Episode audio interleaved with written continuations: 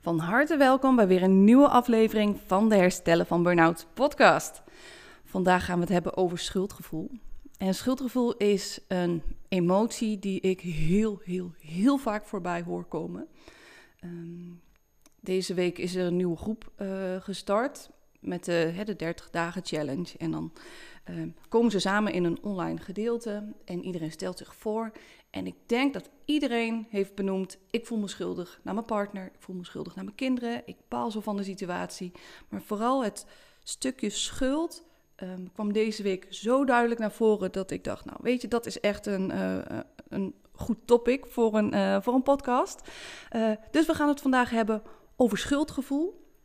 Wat wil ik je zeggen?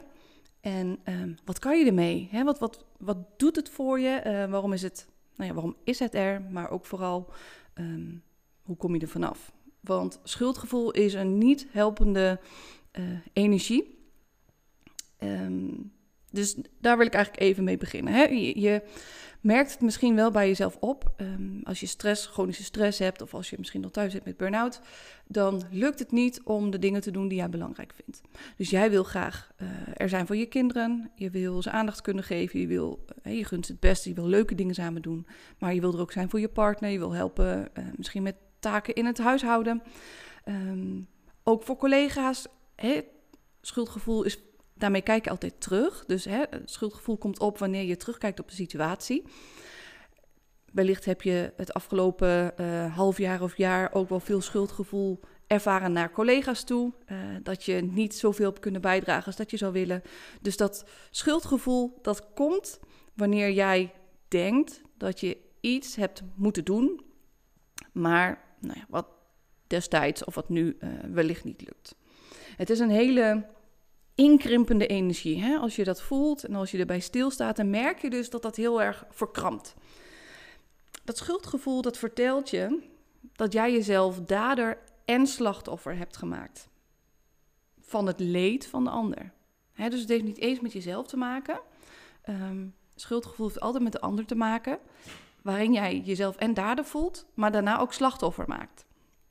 Hè, dus dat had ik maar. En het voelt een beetje alsof dat meeslachtofferen uh, de ander dan kan helpen. Het voelt een beetje alsof je jezelf straft.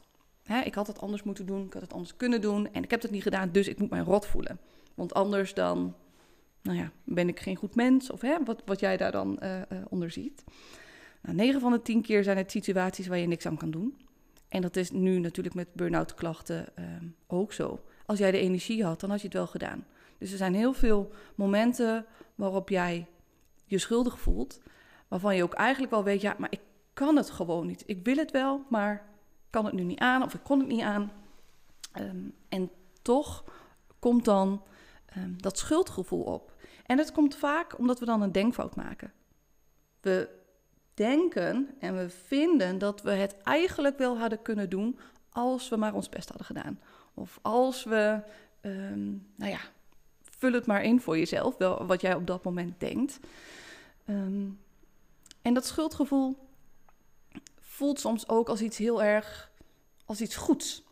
Als jij je schuldig voelt, dan zegt dat dus dat jij wellicht een goed mens bent of dat jij um, de goede intenties hebt. Dus het is ook nog iets, iets wat we willen vasthouden. Want stel nou dat we ons niet schuldig voelen, nou, dan zou het wel heel egoïstisch zijn. Hè? Als we gewoon gaan slapen en ons partner moet van alles doen. En we zijn er niet voor uh, kinderen of voor familie waar we voor zorgen. Hè. Er zijn ook veel mantelzorgers die uh, chronische stress ervaren. Ja, het is wel heel egoïstisch als we dan ons daar niet eens schuldig over voelen. Dus het is een, een, een vorm van ja, pijniging eigenlijk wat je jezelf aandoet. Nou, zoals je dit dan, hè, als je dit zo samengevat een beetje hoort, kan ik me voorstellen dat je ook wel inziet dat schuldgevoel dus niet heel erg helpend is.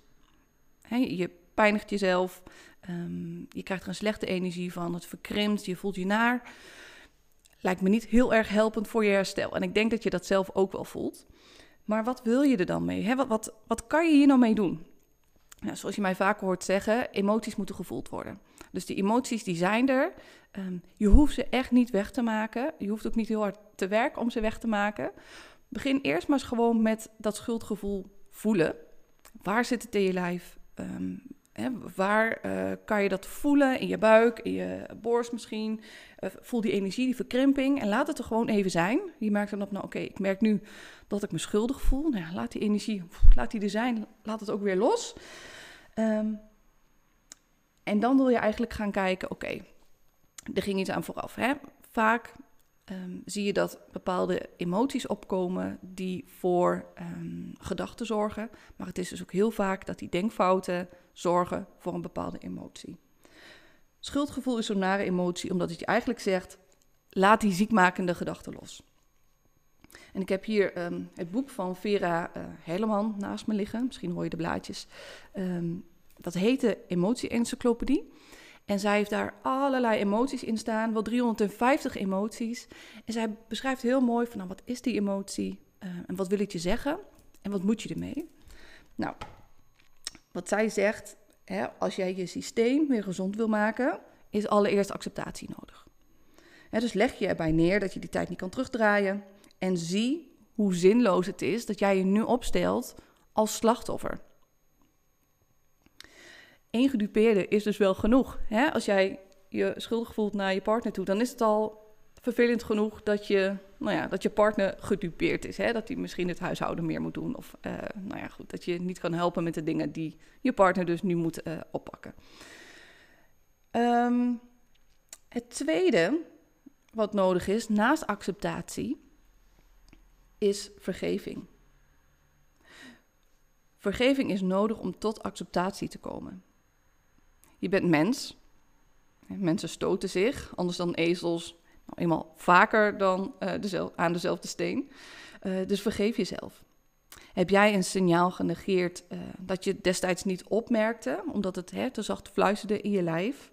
Zie het dan als een lering en besluit de volgende keer beter te luisteren. Hè? Want dat is eigenlijk die hele opbouw naar die burn-out toe. Je hebt um, het fluisteren van je lichaam genegeerd en daardoor is die chronische stress gaan opbouwen. Wat uiteindelijk erin resulteert dat je bepaalde dingen dus niet meer kan. Um, en dat veroorzaakt dus hè, die gedachte van ik zou het allemaal wel moeten kunnen. Of dat veroorzaakt dat schuldgevoel. Je kan dus stoppen met jezelf pijnigen. Want beter dan je best kan je nu niet doen. Hè, in de situatie nu, als je kijkt, kan je bepaalde dingen gewoon niet. En dat is wat het is. En dat is dan vervelend voor die ander. Maar als jij je erover rot gaat zitten voelen, dan gaat niemand helpen. Um, dus je kan heel erg gaan focussen op dat gevoel en de gedachte had ik maar en ik moet het anders doen en lijstjes gaan maken hoe je toch nog kan bijdragen. Maar je kan ook denken, nou ja, ik, heb nu de energie niet. Um, ik zie dat de ander dingen zelf moet doen of ik zie dat ik niet zoveel kan, aandacht kan geven aan uh, kinderen of andere uh, familieleden. Um, dat is nu wat het is. Ik vergeef mezelf. Um, ik zorg goed voor mezelf. En vanuit daar ga je helen. En gaat het straks wel weer lukken. Ergens denk ik dat, hè, dat hoort heel erg in het stukje van de, de acceptatie. Hè, in het begin van de burn-out moet je accepteren dat je die klachten hebt. En niet net gaan doen alsof je niet ziek bent. Je mag eraan toegeven. Je hebt meer rust nodig, meer slaap, meer herstel. Um, en bij die acceptatie komt dus altijd het stuk schuldgevoel naar voren. Je voelt je altijd uh, schuldig naar de anderen toe, omdat jij het gevoel hebt dat je dingen laat liggen of dat je hun iets aandoet. En daar werkt dat brein ook aan mee. Hè? Als dat brein meer in die overlevingsstand gaat, je gaat meer uh, om je heen scannen, je gaat kijken naar gevaar. Um, dus soms is het bijdragen aan de groep of bijdragen aan de familie. Um, voor dat oerbrein gevaarlijk als je dat niet doet. Maar als jij je dus realiseert dat dat denkfouten zijn, onschuldige denkfouten, um, dan zal je merken dat het schuldgevoel niet opkomt. Hè? Want het gevoel reageert op die gedachte. Dus wees je bewust van die gedachten. Hè? Ga gewoon eens even bezig met dit thema. Uh, kijk eens voor jezelf, hoe speelt dit voor mij? Voel ik me ook schuldig? Uh, hoe ga ik daarmee om? Wat voor soort gedachten gaan er aan vooraf? En is dat waar? Onderzoek die gedachten. Kan je bijvoorbeeld doen um, met de vier vragen van Baron Katie. Um, hè, zij kijkt er altijd van, nou, is het waar? Kan ik 100% zeker weten dat het waar is? Wie ben ik met die gedachte? Wie ben ik zonder die gedachte? En daarna kan je het ook nog gaan omkeren. Onderzoek dus de gedachten. Ga bezig met die acceptatie en uh, met de vergeving uh, naar jezelf toe. Want hè, je weet het nu, die ehm, schuldgevoelens en die energie die daar samen mee gepaard gaat, ehm, dat helpt je gewoon niet in je herstel. Dus ik denk dat het echt een belangrijk onderwerp is om even aandacht aan te geven en nou ja, mee aan de slag te gaan. andere hele praktische dingen waar je misschien nog naar kan kijken. Als je merkt nou, dat schuldgevoel komt opspelen. je kan eens gaan kijken naar kwantiteit versus kwaliteit.